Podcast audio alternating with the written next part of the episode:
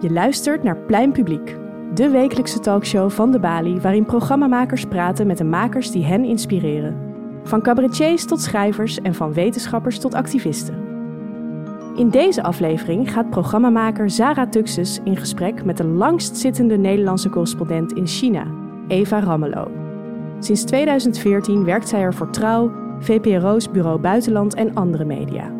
Eerder schreef ze Het geluk van de Chinezen. Als Ramelow in 2014 haar correspondentschap in China begint, proeft ze vooral hoop.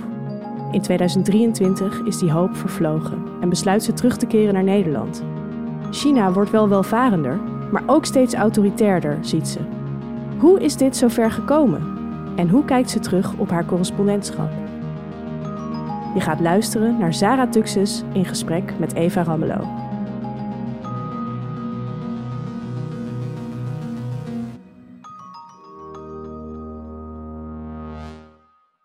Welkom allemaal hier in de Bali bij deze serie Plein Publiek. En ik ben Zara Toxus en ik ga vanmiddag in gesprek met Eva Rammelo, journalist en schrijver. Hartelijk welkom. Dank je wel. dat je er bent. Uh, jij was negen jaar China-correspondent. Je Ja. hebt heel veel artikelen geschreven, uh, radioreportages gemaakt, uh, geschreven reportages gemaakt, twee boeken geschreven, Het geluk van de Chinezen. En afgelopen maart ook Alles onder controle, het leven in de kieren van de Chinese dictatuur. Een prachtig boek, wat vind ik een mooi inkijkje geeft in hoe de Chinezen omgaan met de partij, met het land uh, waarin ze wonen. Waarom vind jij dat alle Nederlanders dit boek moeten lezen? Nou, sowieso vind ik dat Nederlanders zich iets meer zouden mogen verdiepen in een land wat zoveel teweeg brengt op het wereldtoneel, maar wat ook zo belangrijk is in ons dagelijks leven. Al zelfs al hebben we dat niet in de gaten. We hebben natuurlijk het allemaal made in China, dat soort dingen. Maar er zijn ook iedere week wel dingen in het nieuws die over China gaan en die we op een bepaalde manier moeten interpreteren. En dan is het denk ik wel handig als je iets meer weet van het land wat daar zo'n grote rol in speelt. Ik ga straks nog veel meer hebben over je boek, maar ik wil het eerst hebben over jou en over hoe het begon dat je in China terecht kwam. Want weet je nog dat je daar de eerste keer was? Ja, ja, dat weet ik nog goed. 2000, nee, wanneer was ik voor het eerst? 2011 geloof ik. Mm-hmm. Dus dat is 12 jaar geleden. Het was een, het, alsof je op Mars landt, is het een beetje. Hè? Het is zo anders. En ik was al toch best wel wat landen geweest. Um, maar dit land had meer dan al die andere landen zoveel vragen kwamen op um, zonder antwoorden. Wat bijvoorbeeld? Um, een goed voorbeeld is, is dat ik daar rondliep en ik had toen zelf net een heel klein kindje en het viel me op dat iedereen zo liep te sjouwen met die kinderen en niemand had kinderwagens. Mm-hmm. En dat is zo'n hele simpele vraag die opkomt als je op straat rondloopt en je ziet al die mensen met die kinderen en je denkt, maar, maar waarom doen ze dat eigenlijk? En is dat omdat ze geen kinderwagen kunnen betalen? Is dat omdat het iets cultureels is? Uh, willen ze hun kind graag uh, heel dicht bij zich houden? Vinden ze het niet veilig, zo'n kinderwagen? Maar dan zag je weer mensen rondlopen met, met kinderen die ze dan heel dicht langs de straat uh, lieten lopen, waar dat verkeer langs raast. En zo ik denk, ja, nee, veiligheid kan het ook niet zijn. Dus op die manier ben je alsmaar vragen aan het stellen. En dat gaat ook maar door en door. Ik had ook een een vraag bijvoorbeeld dat je dan zie je mensen zie je garnalen pellen op straat. Dan denk je maar waar komen die garnalen vandaan? En ik heb toch ergens gelezen dat 89% van het grondwater in China vervuild is. En komt dat dan uit een Chinese rivier of de zee? En waar dan? En zo blijf je maar doorgaan. En dat vond ik ontzettend inspirerend. En er waren dus geen antwoorden. En toen dacht ik nou misschien moet ik die antwoorden zelf dan maar gaan vinden. En even over die kinderen heb je daar dan nu wel antwoord op? Waarom zij geen kinderwagens gebruiken um, zelf dragen? het, het was een cultureel ding Mensen hadden niet echt kinderwagens. Tenminste, ja, nee, volgens mij is, was het echt iets, iets cultureels. En ze waren gewend om die kinderen uh, op hun rug te hebben. En uh, ja, oma's die liepen ook op een, met kinderen rond natuurlijk. Ik weet dat mijn, mijn eigen dochter, die was toen drie, vier bijna toen we naar China verhuisden. En we hadden ook op een gegeven moment een oppas. En die, die wilde per se mijn dochter optillen en gaan ronddragen en zo. Want mm-hmm. kinderen zijn een soort prins en prinsesjes natuurlijk. Maar dat was een, een Hollands kind van best wel wat kilo's. dat, dat was geen goed idee. Dus um, ja, nee, dat was denk ik vooral iets cultureels. En jullie besluiten daar te blijven als gezin tot dit jaar eigenlijk. En in 2020, dan was eigenlijk met de uitbraak van de coronacrisis, was eigenlijk een soort van kantelpunt in de Chinese politiek, maar ook voor jullie in de Chinese politiek, van dat er meer repressie was, meer propaganda, meer censuur. Ja. En voor jullie omdat jij besluit te blijven en jouw gezin, je man en je zoon en je dochter, die gaan terug. En zo begint jouw boek ook. En ik vond best wel aangrijpend begin, als je het ook hebt over kinderen, over jouw kinderen, dan is er aan het begin een stukje dat jij afscheid van hun neemt op het vliegveld. En dat is best lastig, lijkt me. En dat staat hier ook. Vooral je zoontje Thomas vindt het heel moeilijk om jou los te laten. Het is zo stil dat ik Thomas hoor gillen tot ze bij de gate zijn. Ja. En dan denk ik meteen, waarom bleef jij? Ja. ja, ja, dat was wel, dat denk ik, dat was het heftigste moment dat ik in mijn leven heb meegemaakt. Zeg maar, het meest traumatiserende moment ooit. Ja, dat was vreselijk. En dat vraag je je op dat moment ook af. Dat schrijf ik volgens mij ook in mijn boek. Dat, dat je je op dat moment afvraagt: waarom doe ik dit in hemelsnaam? Waarom kan ik niet gewoon net als al die andere mensen gewoon meegaan met hun kinderen? Want alle expats, zeg maar de echte expats met een baan en een werkgever die voor ze zorgt en zo, die waren allemaal vertrokken. Die waren, hadden allemaal het vliegtuig al genomen. Die zaten ergens in Thailand aan, aan het hotel. En uh, ja, waarom deed ik dat? Nou, ik ben journalist. En als journalist is zo'n gebeurtenis is ja, het klinkt altijd heel cru, maar dat is toch iets waar je, waar je bij wil zijn. Je bedoelt de gebeurtenis van die corona-uitbraak corona en hoe de staat ermee wat er, omging. wat er gebeurde, dat alles stil lag. De manier waarop er in Wuhan... Uh, dit was helemaal aan het begin, hè, dus we hadden nog helemaal niks gezien van dat hele corona-verhaal. Dat Wuhan volledig afgesloten was. Dat er mensen stierven op de gangen. Dat er mensen werden opgepakt. Dat je als een soort crimineel behandeld werd als je verdacht werd van een besmetting. Maar dat klinkt helemaal niet fijn om daar tussen te zitten. Nee, maar ja. Als ik het zo hoor. Het gaat niet altijd over rozen. Nee. Als je journalist bent, dan is het niet altijd fijn. En je leven is je werk. Nou ja, als, als journalist, als correspondent, leef je in je werk in feite. Jij vindt ook dat het zo moet zijn. Dat, ja, dat is wel mijn interpretatie. Kijk, iedereen moet zelf interpreteren hoe die journalist is. Ik had ook een collega die naar Thailand is vertrokken en die mij vlak na het, terwijl ik nog op het vliegveld was, die mij appte van, ah joh, kom gewoon lekker hierheen en uh, hier kun je lekker aan het zwembad liggen. Nee, kom op, dit is nu net het moment. Nu moet ik reportages maken. Ik was aan het kijken hoe ik Wuhan kon bereiken en zo. En nee, dat, dat was mijn interpretatie van het correspondentschap, ja. En dan las ik ook later in een reportage, nee, in een artikel wat je schreef voor Trouw. Uh, ook over die periode van dat je 10 kilo lichter was geworden en je haar uitviel. ja, en toen dacht ik wel helemaal, wat, wat doe je jezelf aan? Ja, de, de, ja, als je dan terugkijkt, denk je dat ook of denk, denk je helemaal niet zo? Um, ja, het, was een hele, het is een hele dubbele periode geweest. Aan de, aan de ene kant was er dat, dat grote verdriet en, en het, het, vooral de, de verandering van je identiteit. Je bent, niet, je bent opeens niet meer moeder en journalist, maar je bent journalist. Alleen maar, 100% de hele dag. En tegelijkertijd, en, en daar moet je mee omzien te gaan, zeg maar. Dan, mm -hmm. dan moet je je leven helemaal opnieuw gaan beoordelen, inrichten. En tegelijkertijd was er, was er de euforie van wat is dit gaaf, waar ben ik mee bezig en wat kan ik allemaal doen en wat kan ik allemaal laten zien. En er was zoveel te doen. Als journalist was het, was het een fantastische tijd. En wat is een van die dingen waarvan je dacht, ja, wat is zo'n euforie-momentje? Even denken, ja, het grootste euforie-moment was natuurlijk afgelopen november met de protesten in Shanghai. Dat ik daarbij mocht zijn, dat, mm -hmm. dat was waanzinnig. Dus dat een groot deel van de bevolking eigenlijk in opstand kwam tegen die coronamaatregelen? Ja, eigenlijk die coronamaatregelen, die waren, vooral in het begin waren ze heel strikt. En op een gegeven moment was er een soort status quo gevonden waarbij er wel restricties waren. En iedere stad was een soort van om en om was, was een stad aan de beurt. En er waren wat een beetje uitbraken. En dan moest dat de kop in worden gedrukt. En dan waren er wat lockdowns. Maar begin vorig jaar was het hek helemaal van de dam met die Omicron. Mm -hmm. die, die gewoon niet meer onder controle te houden was. En mensen begonnen het echt te voelen in hun dagelijks leven. En de economie, daar ging het al langer niet goed mee. Ja, dus mensen begonnen het echt te voelen. En die twee maanden dat Shanghai op slot is geweest, dat was bizar om mee te maken. En um, nou, ik was daar niet natuurlijk, maar ik heb het. Mm -hmm.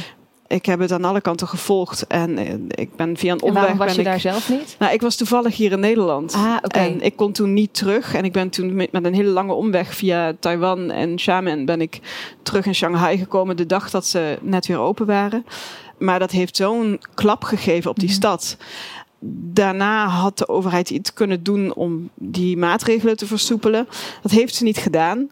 Uh, ja, toen begon echt wel een beetje die onrust te groeien en de, de, frustratie. Mensen begonnen, zagen het echt niet meer zitten op dat moment. En dat is een soort climax geweest die in november tot uitbarsting kwam. En dit is een euforiemoment. Je kan me ook voorstellen dat het soms misschien best wel eenzaam is geweest of helemaal niet leuk. Ook omdat je volgens mij in het begin ook nog bleef. Dit huis waar jullie bleven en daarna wel in je eigen studio. Ja. Wat was een dieptepunt waarvan je dacht, wat doe ik hier? Ja, dat dieptepunt dat staat eigenlijk. Dat was eigenlijk niet zozeer. Dat had minder met mij te maken als met iemand anders. Ik had een collega in Nederland van heel lang geleden, met wie ik ooit een kantoor deelde. En haar zoontje is zes weken jonger dan mijn zoontje. En die werd heel erg ziek um, in de periode dat dit allemaal begon. Dat corona kwam en dat mijn kinderen naar Nederland gingen.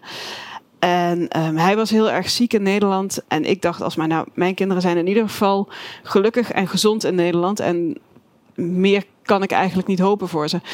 Zo heb ik het heel lang voor mezelf kunnen vergoelijken. En um, op een gegeven moment, uh, later dat jaar, stierf haar zoontje. Mm. En toen dacht ik, ja, verdorie, dan zit ik hier.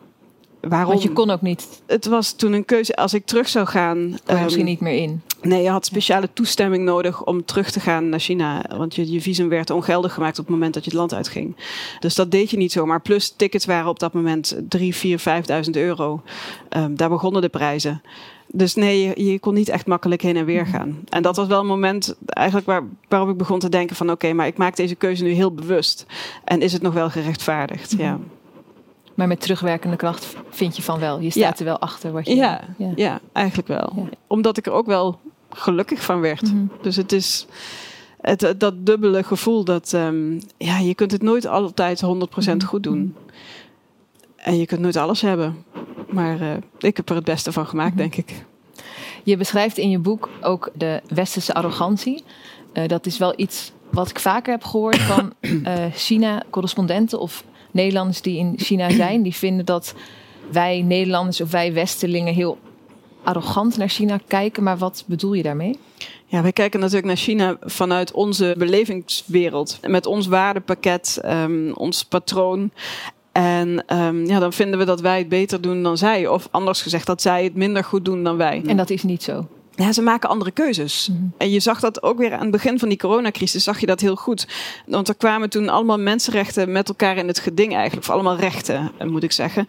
Die kwamen met elkaar in het geding. En de Chinese overheid had bedacht, dat was hun verdediging, van het recht om te leven vinden wij belangrijker dan al die andere rechten. Dat, zo rechtvaardigden zij alle maatregelen die ze namen. Dan bijvoorbeeld vrijheid van meningsuiting? Ja, of, uh, dan vrijheid van meningsuiting, ja. samenkomen uh, um, en ook recht op vrijheid. En dat vonden wij in Nederland veel belangrijker. In Nederland wilden we dat. Er waren hier heel veel debatten, heel veel talkshowtafels waar het maar ging over ja, maar we moeten vrij zijn. En ik mag zelf wel bepalen of ik naar buiten ga of niet. Maar ja, je hebt ook een soort van compassie en zo. Dus ik moet zeggen dat China daar een begrijpelijkere rechtvaardiging had gekozen dan Nederland koos, vond -hmm. ik. Een duidelijkere uh, aanpak ook. En natuurlijk, na verloop van tijd ging dat ook niet meer. En toen bleek dat de Communistische Partij vooral haar eigen macht belangrijker vond dan al het andere eigenlijk. Dus het gaat niet altijd op, maar die prioriteiten, die verschil in prioriteiten en verschil in waardes, waar die waardes ook vandaan komen en hoe mensen die ook aangeleerd krijgen of hebben, hoe, ze, um, hoe ze tot stand komen, dat is een ander verhaal. Maar je moet wel begrijpen waar het vandaan komt. Mm -hmm. Anders dan kun je het niet neutraal beoordelen. En je kunt nooit iets neutraal beoordelen natuurlijk, maar je kunt en, er wel naar streven. En als je het hebt over die arrogantie, bedoel je dan de Nederlandse politiek en de beleidsmaker of bedoel je de gewone Nederlander? Ook? Nou, de gewone Nederlander mm -hmm. ook wel. Kijk, ik kan twee voorbeelden noemen. Qua beleidsmaker was natuurlijk nou ja, ik, ik, noem vaak Hugo de Jonge, die in het begin van die coronacrisis zei: We hebben alles onder controle en alles komt goed. Maar ondertussen had hij de grenzen niet dicht gedaan. En hij had helemaal geen maatregelen genomen. Hij ging er gewoon vanuit: onze ziekenhuizen zijn beter dan de ziekenhuizen in China. Mm -hmm. Wat niet zo was, want Wuhan is een first-tier city, als ik het goed heb. Wat betekent dat? dat, dat je hebt gradaties in China mm -hmm. qua grootte van steden. En Wuhan is een hele ontwikkelde eh, grote stad met hele goede gezondheidszorg. Maar dat wist Hugo de Jonge niet, denk ik dat is zoiets wat ik bedoel. Mm -hmm. En qua gewone mensen, en ik schrijf ook in mijn boek dat voorbeeld van ouders die op zoek gaan naar hun dochters, mm -hmm. die ze ooit hebben weggegeven vanwege het één-kindbeleid. En ik probeer te begrijpen waarom ze in de communistische partij blijven geloven, terwijl die partij ze zoveel leed heeft aangedaan. Mm -hmm. Ik zeg dit omdat ik ooit eens op een feestje in Nederland mensen tegenkwam die zeiden van, oh ja, mijn, mijn, ik ken iemand en die heeft uh, ook twee Chinese dochtertjes. Want ja, in China houden ze niet zo van uh, dochters, die doen ze daar allemaal weg dacht ik, ja, dit is zo kort door de bocht. Mhm. En ik weet niet of dat per se arrogantie is, maar het is wel een gebrek aan inzicht en aan inlevingsvermogen. Mhm. En hoe kijk jij dan zelf wel naar China? Want ik kan me voorstellen dat je ook niet als journalist een Chinese blik wil, want je moet toch wel een beetje van buiten kijken. Je wil misschien ook niet te veel die westerse blik, want dan kijken ze misschien met argwaan naar jou of ze nemen je niet serieus. Hoe doe jij dat dan? Nou ja, het mooie van een correspondentschap is dat je Tenminste, dat vind ik er mooi aan. Want je hebt ook correspondenten die helemaal in het land geïntegreerd zijn natuurlijk. Maar ik vind als correspondent juist mooi dat je, dat je er een soort van buiten staat. Je bent een buitenstaander. Mhm. Je hoeft je niet te vereenzelvigen met um, de mensen in dat land, met het waardepatroon van dat land. Je hoeft het alleen maar proberen te begrijpen. Mhm. Dus ja, ik voelde mij een buitenstaander daar. En dat was eigenlijk een hele aantrekkelijke invalshoek. Ja. En tegelijkertijd zeg jij van je moet weten hoe de Chinezen denken, je moet ze begrijpen. Maar hoe doe je dat dan als je buitenstaander bent? Ja, je kunt het dus nooit helemaal doen. Mhm. En ik zeg er ook altijd bij, ik weet het nog steeds niet. Ik snap nog steeds niet hoe ze denken. Ik kan het niet 100% verklaren. En, en nou ja, wat ik ook zeg, hoe langer je er bent, hoe meer je dingen niet begrijpt. En er zijn 4,1 miljard Chinezen. Dan denk ik, hoe weet je... Ja, kun je daar überhaupt iets, iets algemeens over zeggen? Ja, precies. Dat kan dus niet. Dat kan dus niet. Dus ja, je kunt alleen maar proberen telkens iets dichter bij die belevingswereld te komen. Mm. En, en ja, gewoon heel veel met ze praten en kijken hoe dingen zich ontwikkelen. Um, maar je kunt het nooit helemaal, nee. Als je, je hebt een discussie natuurlijk over hoe Nederland of Europa of andere landen om moeten gaan met China. Vooral als je het hebt over economie en mensenrechten. Of je de mensenrechten situatie moet benoemen en wat dat zou betekenen voor handel. En in heel veel gevallen, daar schrijf je ook over in je boek, dat uh, Nederland en de Verenigde Staten een knieval maken voor uh, China. En dus wel economisch doorgaan en een beetje half die mensenrechten benoemen. Ja. Dat kan ik me voorstellen. Maar aan de andere kant denk ik ook, ja, hoe dan wel? Ja, ja dat is een goede. Ik weet het ook niet maar ik denk dat je er in ieder, in ieder geval bewust van moet zijn. Mhm. En ja, ik ben geen beleidsmaker, dus ik kan ook niet zeggen hoe dan wel.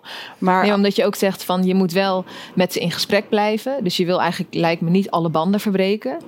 Nee, dat is natuurlijk nooit goed. Dan, dan... Maar hoe ga je dan wel die mensenrechten situatie aankaarten? Nou ja, op zich, wat von der Leyen twee weken geleden zei. Ehm, in Brussel, um, hoe zei ze dat nou? We don't want to disengage. Ze, ze wel met China blijven mhm. omgaan, maar ze niet meer op een woord vertrouwen. Dat heeft heel lang geduurd, maar Donald Trump was eerlijk gezegd de eerste die dat hardop durfde te zeggen. Van ja, China belooft alsmaar dingen, maar ze doet mhm. niks. Mm Ze belooft een, een level playing field. Hè. De buitenlandse bedrijven mogen investeren in China en worden dan op dezelfde manier behandeld als Chinese bedrijven. Terwijl dat helemaal niet zo was.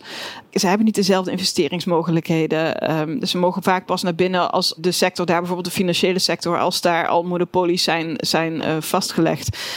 Dus er waren heel veel manieren waarop China telkens zijn eigen interpretatie gaf, aan afspraken die binnen de Wereldhandelsorganisatie waren gemaakt.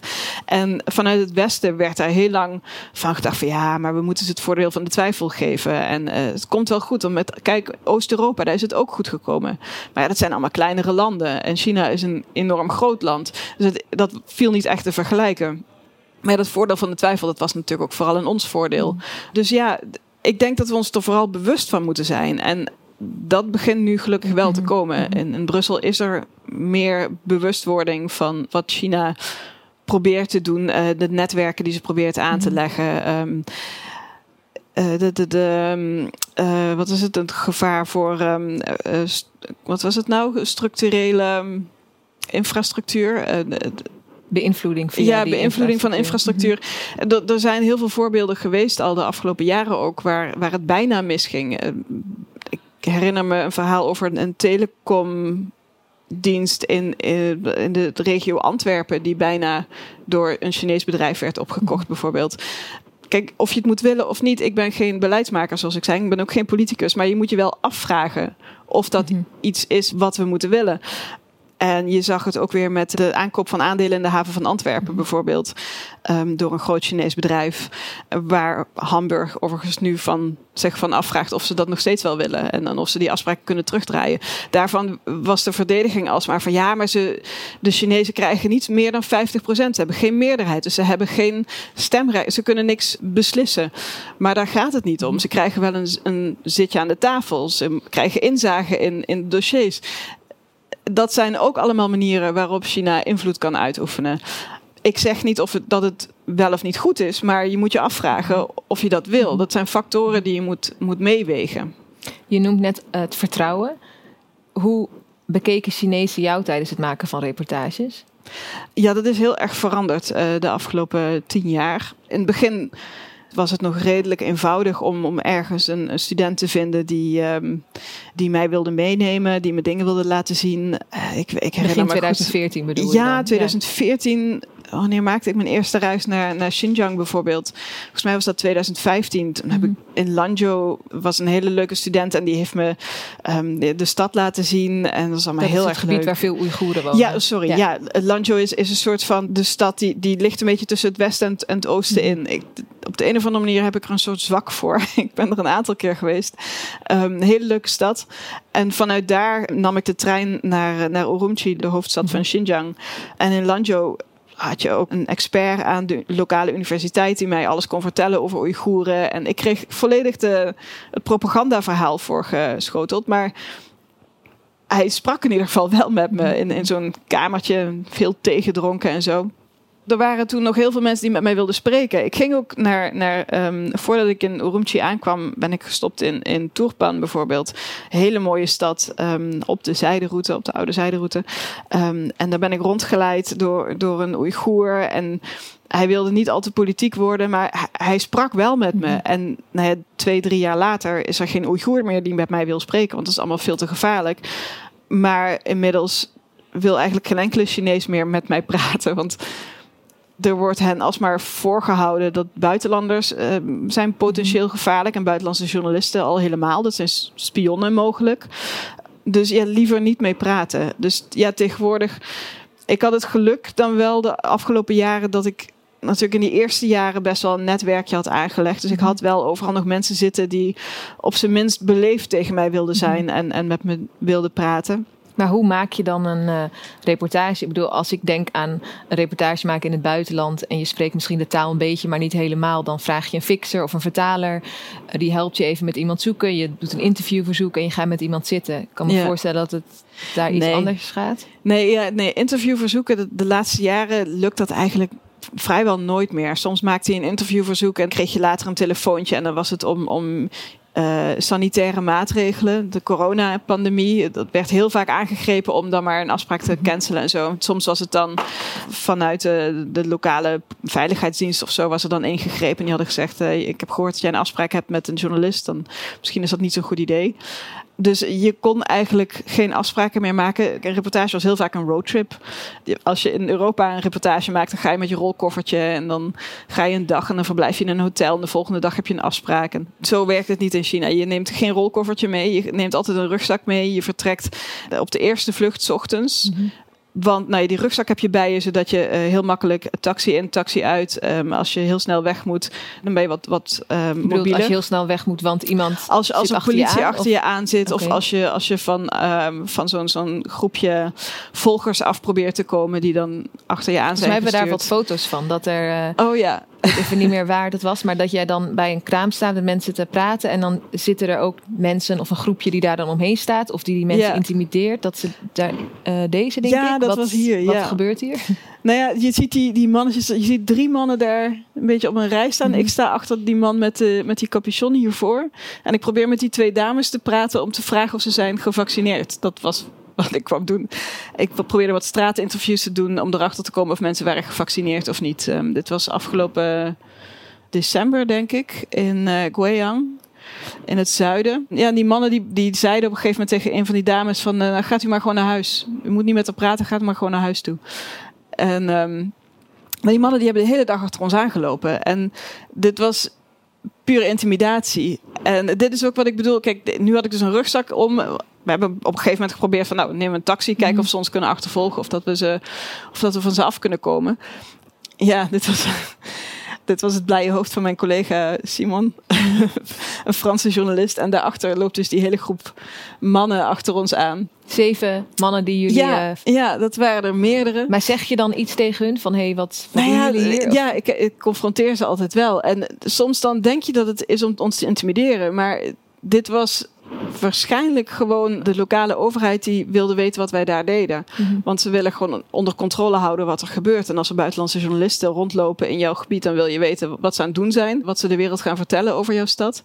Dit was eigenlijk wel grappig. Het was heel irritant, want niemand wilde dus meer met ons praten. Het is meer intimiderend voor de mensen met wie wij wilden spreken dan voor ons. Voor ons was het vooral heel vervelend. En aan het eind van de dag zaten we in een, in een koffieshop te wachten tot onze vlucht zou gaan. En toen kwamen ze naar ons toe om te vragen, het was geloof ik kwart voor zes.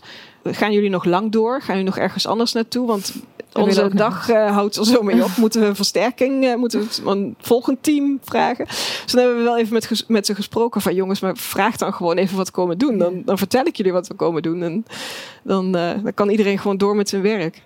Dus dit was eigenlijk heel vriendelijk. Maar we hadden de dag daarvoor ook al politie gehad voor onze hotelkamer. En ehm, dat is natuurlijk meer bedoeld als intimidatie. Maar dat is ook waarom je dus de eerste vlucht neemt 's ochtends. Mhm. Zodat je een hele dag hebt om te werken.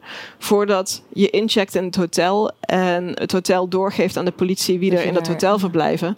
En dan zien ze dat er een buitenlandse journalist is. En dan, nou, dan komen ze je opzoeken. En dan komen ze vragen wat je komt doen en zo. En, en dan krijg je dus van die mannetjes achter je aan. Mhm. Dus, ehm, dus ja, het is, een, het is een iets andere werkwijze. Mhm. En je doet dus een roadtrip en je probeert maar overal iemand te vinden die met je wil praten. Mhm. En soms lukt dat. En eigenlijk lukt dat meestal wel. Ja. Ik heb ook een keer iets van jou gelezen of dat je iets schreef over de intimidatie.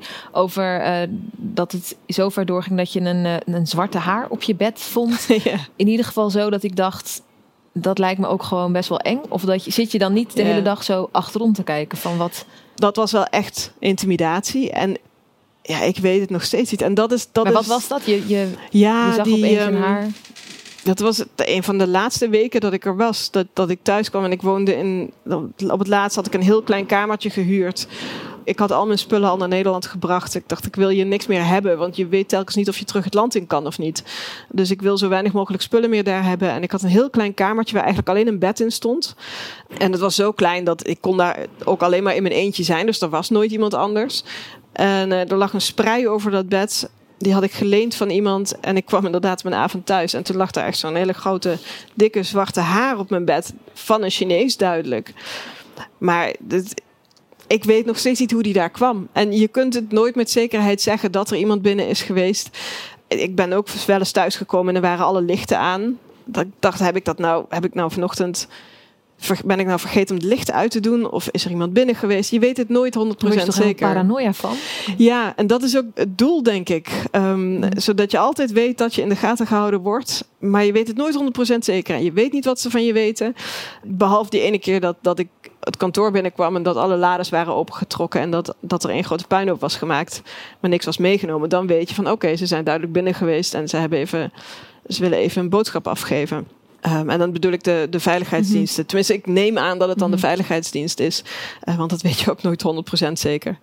Ehm, Maar het heeft je nooit weerhouden om iets te doen. Nee, want je voelt je nooit fysiek onveilig. Mhm. Ehm, dat klinkt een beetje raar, maar het is nooit. Er wordt geen pistool op je hoofd gezet. Nee, er wordt nooit een pistool ja. op je hoofd gezet. Dus het, het is nooit op die manier eng.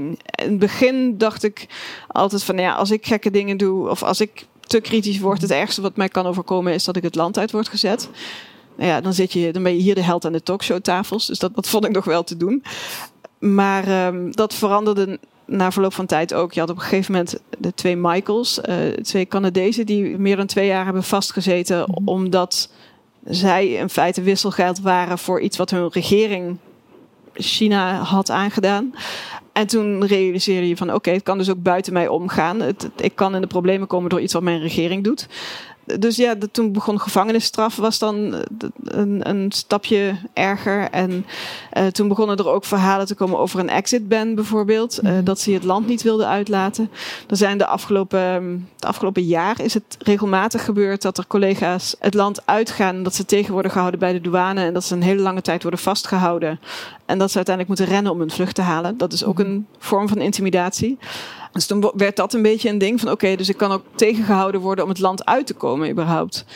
Het engste eigenlijk is, is het voorbeeld van een BBC-correspondent die is gevlucht naar Taiwan volgens mij met zijn gezin, omdat hij bedreigingen kreeg dat, hij, dat er een rechtszaak tegen hem zou worden aangespannen. Um, en na zijn uh, verslaggeving over Xinjiang, um, de onderdrukking van de Oeigoeren. En een rechtszaak is best wel eng, want dan ben je, is je lot helemaal in handen van een rechtbank, ja, die jou vrijwel altijd zal veroordelen. Het ging steeds een stapje verder. Dus dat, het is wel enger geworden. Je hebt uh, twee boeken geschreven, zoals ik in het begin zei. Het, het geluk van de Chinees had eigenlijk best wel een positieve toon.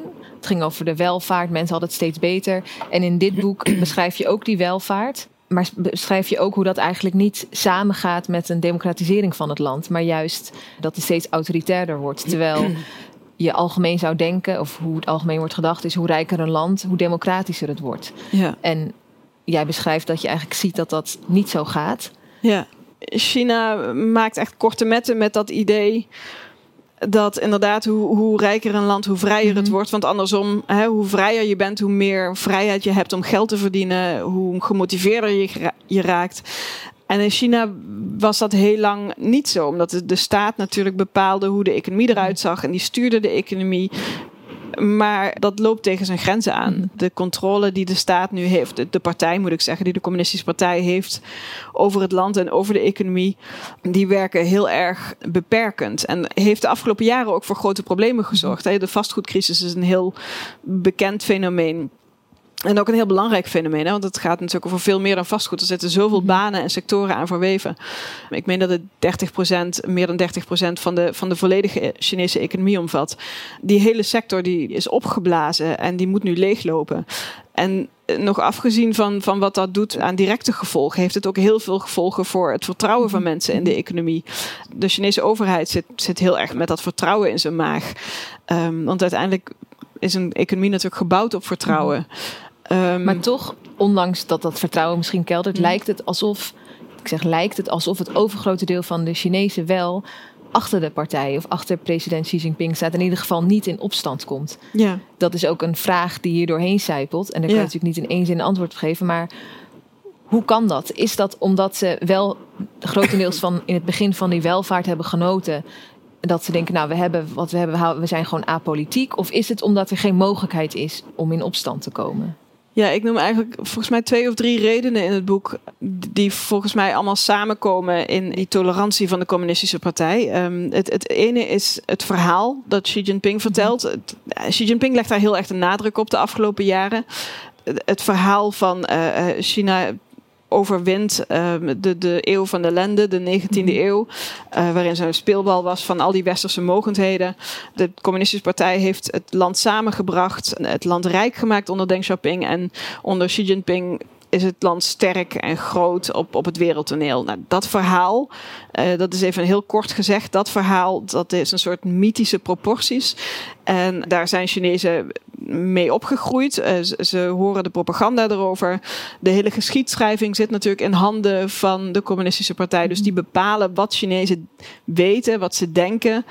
Um, hoe ze analyseren, of ze überhaupt analyseren. Want er is hun dus, hun dus ook altijd verteld dat ze vooral geen vragen hoeven te stellen. Ik, ik vertelde het over mijn vriendin die zich eigenlijk afgelopen jaar pas tijdens die lockdown van Shanghai zich realiseerde van ja vroeger als ik in de klas zat, dan zei de leraar: waarom steek je je vinger op? Je hoeft je vinger niet op te steken. Alles staat in het lesboek.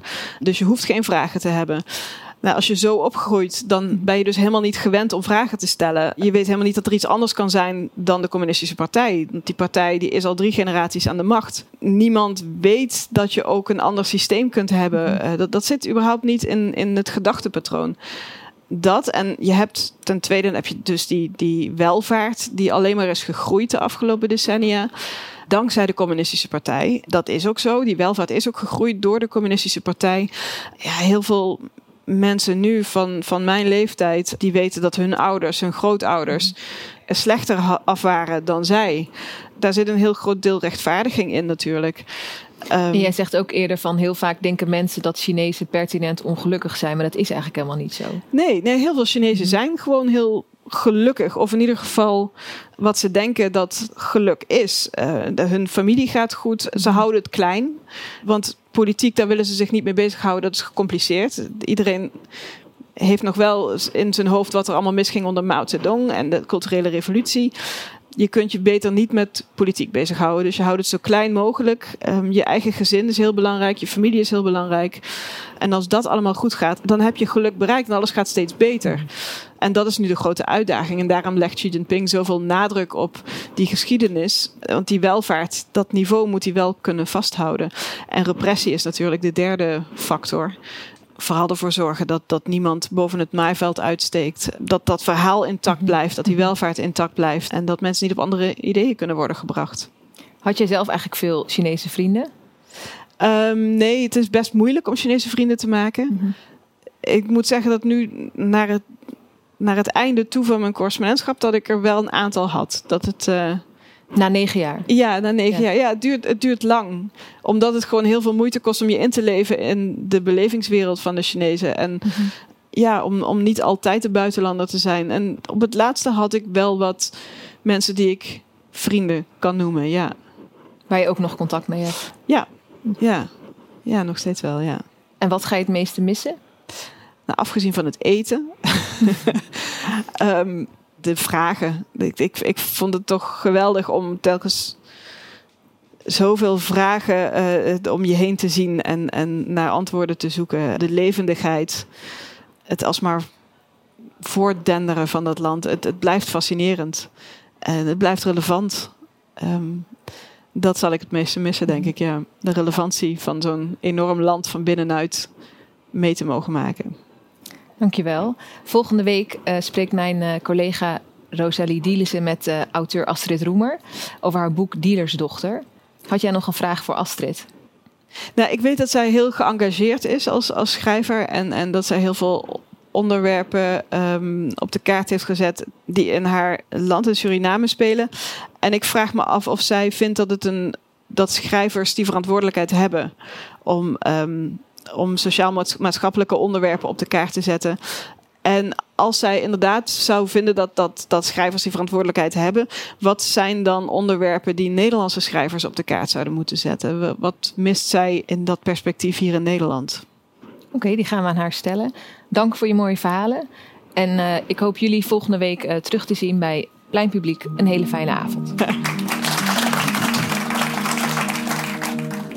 Dit was Plein Publiek met Eva Rammelo.